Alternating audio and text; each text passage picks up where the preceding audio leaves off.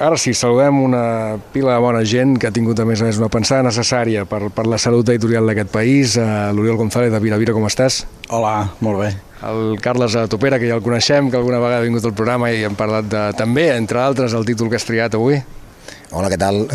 I l'Alicia de MTM, com estàs? Hola, molt bé, gràcies. Al contrari, vosaltres per pensar-ho, ho deia en aquest sentit, eh? en, el, en temps de superproducció editorial, repensar el catàleg i decidir que hi ha una sèrie de títols de qualitat que per volum de publicacions és difícil que, que tinguin visibilitat i posar-los allà al davant, és una cosa que jo crec que s'hauria d'anar repetint aquest llampec no? eh, molt sovint i amb moltes més editorials implicades.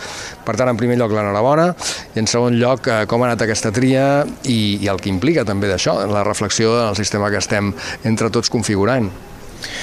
Primer no t'enganyaré que la cosa ha anat una mica a salto de mata, o sigui, teníem la idea, però bueno, eh, hem tingut poc temps d'execució, jo crec que l'any que ve serà més i millor, però bueno, la idea era fer rodar una mica doncs, això, no? que vagi quedant que, que volem reivindicar el llibre de fons, sobretot som editorials en general petites, que traiem poca producció, que mirem molt el que fem, i si creiem molt el que fem però no s'acaba de vendre perquè no o no ha sortit en el moment que tocava, o perquè hi ha sobreproducció, com comentaves, o perquè també està molt el tema doncs, d'això, doncs, no? de no tenim publicitat darrere, no som les grans, però bueno, de, amb ganes això de, de reivindicar la bona literatura al final, perquè creiem en això, en aquests àlbums, que, que llibres que són doncs, aliens a, a modes, a, que no estan cuinats per alguna cosa i que són atemporals.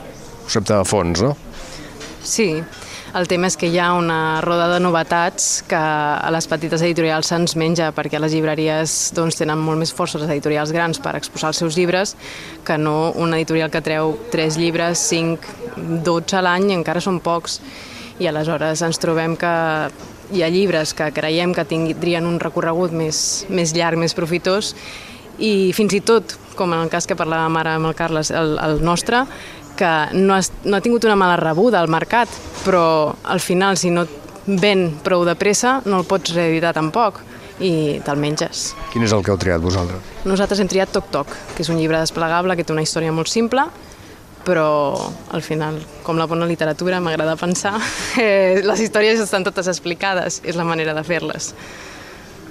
Oriol, en el, en el teu cas, eh, en fi, com, com arribeu aquí i, i la Lola se'n va a l'Àfrica, crec, no? Hola, sí, nosaltres hem proposat com a llibre Llampec la Lola se'n va a l'Àfrica, que és un llibre que per mi és molt especial i que a més a més reivindica una cosa que trobo molt necessària en el sector de la cultura, que és la calma i la tranquil·litat i el temps. Tot va molt de pressa, els llibres es fagociten els uns als altres, no som a temps d'assumir les novetats o les publicacions que es fan i, i penso que la cultura hauria de ser un sector molt més tranquil i molt més pausat en aquest sentit, no? donar-nos més temps. El que passa que la roda comercial és molt perversa i ens arrossega i, i a vegades voler portar la contrària en aquest sentit doncs ens surt car, no? o ens, ens implica fer uns esforços o, o destinar uns recursos que les editorials petites, independents com nosaltres no tenim, no? I en aquest sentit doncs, també reivindicar o fer un, un pensament general no? a nivell cultural.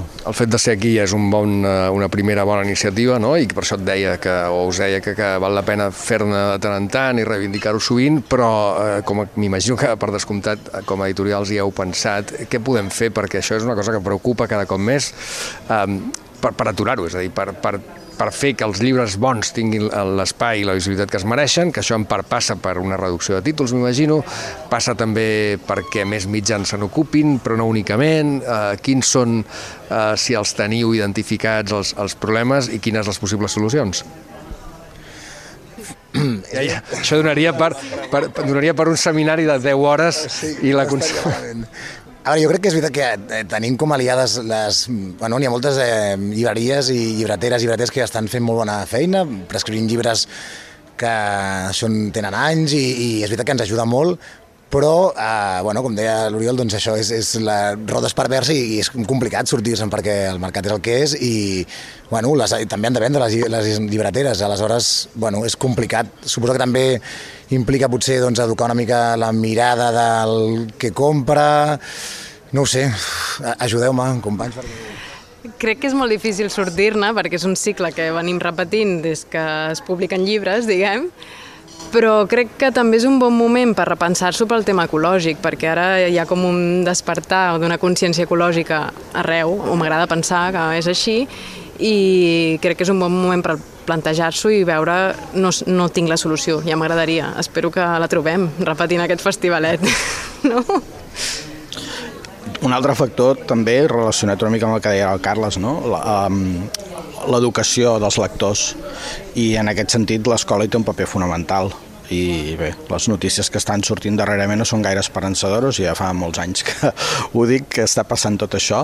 Però a part del, del nivell de comprensió lectora també ens ha de preocupar eh, educar els nostres nens i nenes i els nostres nois i noies en, en el criteri literari no? en la capacitat de decidir què val la pena, què no val la pena, què té qualitat, què no té qualitat, i això tampoc no s'està fent, no, no s'està fent eh, com s'hauria de fer. No? Per tant, jo penso que aquí també cal un, un paper contundent de l'escola i, i de la gent que està en contacte amb els nens i nenes que al final seran els lectors del futur. Això és bàsic, a mi em sembla, no? perquè tots els agents implicats, ara som aquí a la biblioteca al Clot Josep Benet, i ara que les bibliotecàries i tota la formació literària i tot el, en fi, tot, totes les biblioteques en general, la funció cultural que tenen i la prescripció que tenen s'està fent molt bé des de fa molts anys, les llibreries per descomptat i llibreries també independents que, no? que tenen aquest paper, eh, avui parlarem amb la Sendac, però n'hi ha moltíssimes més, ja, ja ho sabeu i les coneixeu, segurament la, la pota més coixa ara mateix no únicament per les notícies a propòsit de la comprensió lectora són les escoles i l'educació literària en les escoles. No? El que és més freqüent en edats d'abandonament de la lectura és trobar-te que el més llegit són textos, no en diré d'una altra forma, eh, que venen de Wattpad, no? i que es publica, amb la qual que primer tenen una sintaxi horrenda o no en tenen, que literàriament no tenen cap interès i que a sobre eh, contenen valors d'una toxicitat important. No? És a dir, penseu això, que potser val la pena incidir en aquest punt que és l'educació literària, la formació i que pugin una mica més amb aquest criteri que ara mateix falta? Sí, al final el que passa a les escoles eh, crec que és que tot recau en el mestre mm, d'aquell moment, si creu en la, en la literatura i en la promoció de la lectura o no, i això ha de ser un canvi de sistema, jo crec, de tot el, el sistema educatiu, no, no la responsabilitat individual de cada mestre.